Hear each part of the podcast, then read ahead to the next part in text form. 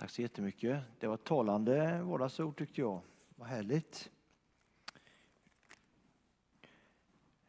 Vi ber för eh, predikan, den här första delen och fortsättningen och även för kollekten. Jesus, tack för att vi får ha överflöd och tack för att vi får samla in pengar till vår församlings arbete.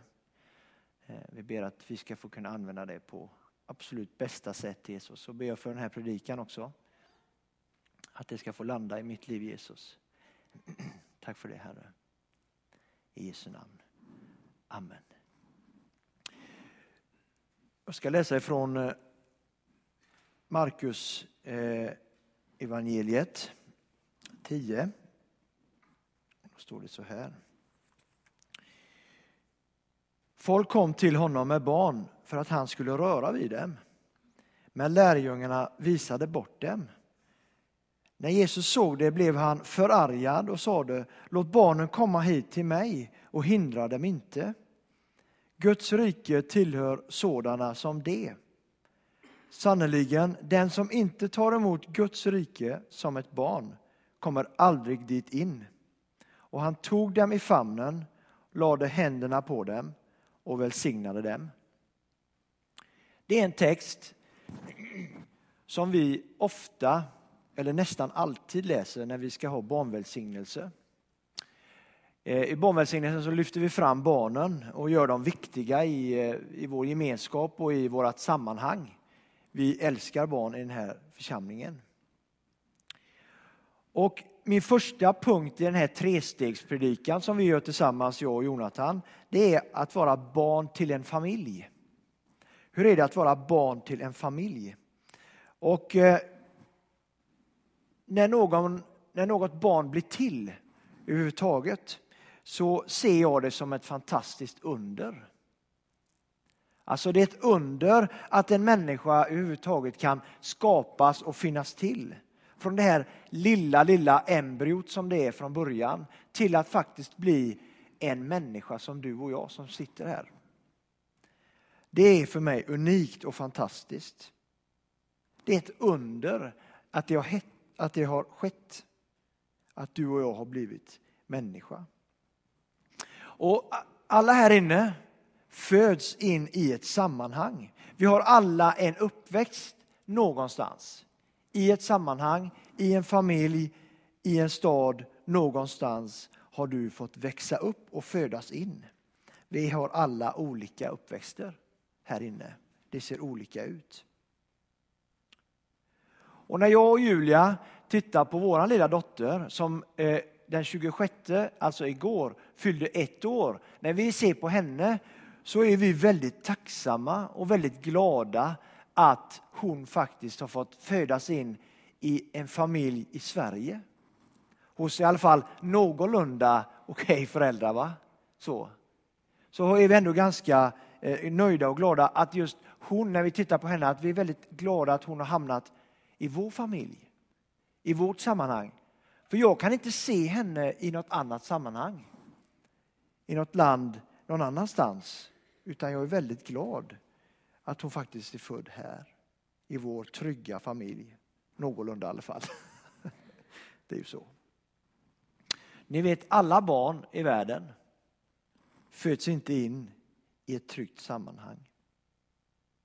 Alla barn i den här världen föds inte med samma förutsättningar som dig och mig.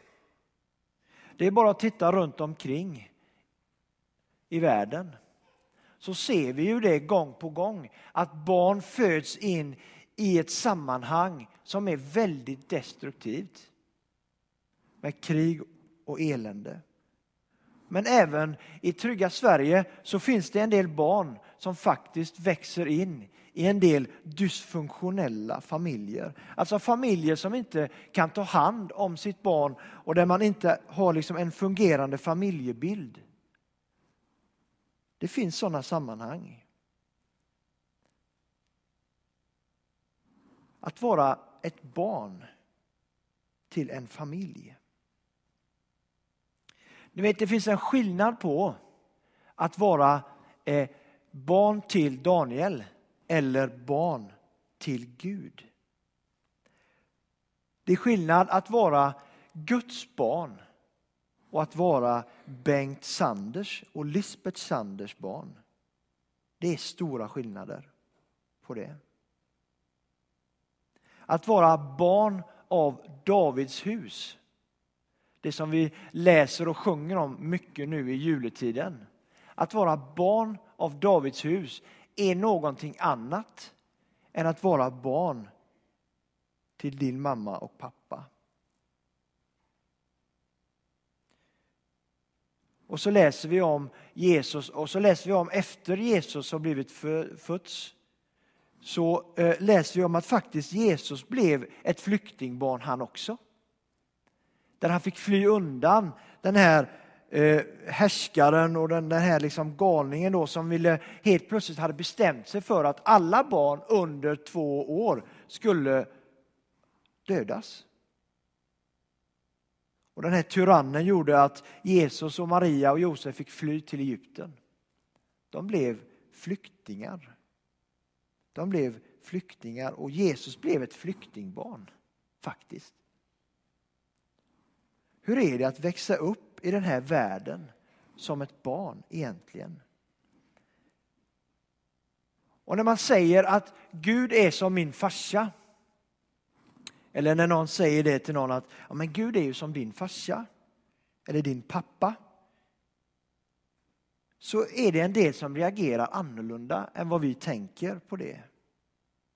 För man kan inte alltid säga så i alla sammanhang till alla barn, att Gud är som din pappa. För alla har inte en bra bild av sin pappa. Alla har inte en bra bild av vad en pappa är. Därför är det inte alltid så lätt att säga att jag eller du kan få vara Guds barn. Och ni får vänta lite för jag kommer komma någonstans med den här tanken. Men att alla inte kan acceptera det. Att vara ett Guds barn om han är som min pappa.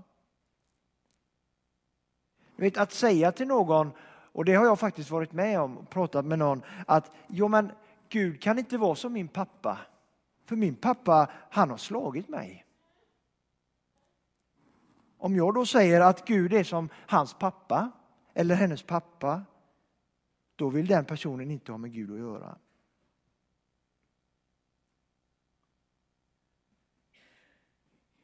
Det finns någonting annat i att vara ett barn till Gud.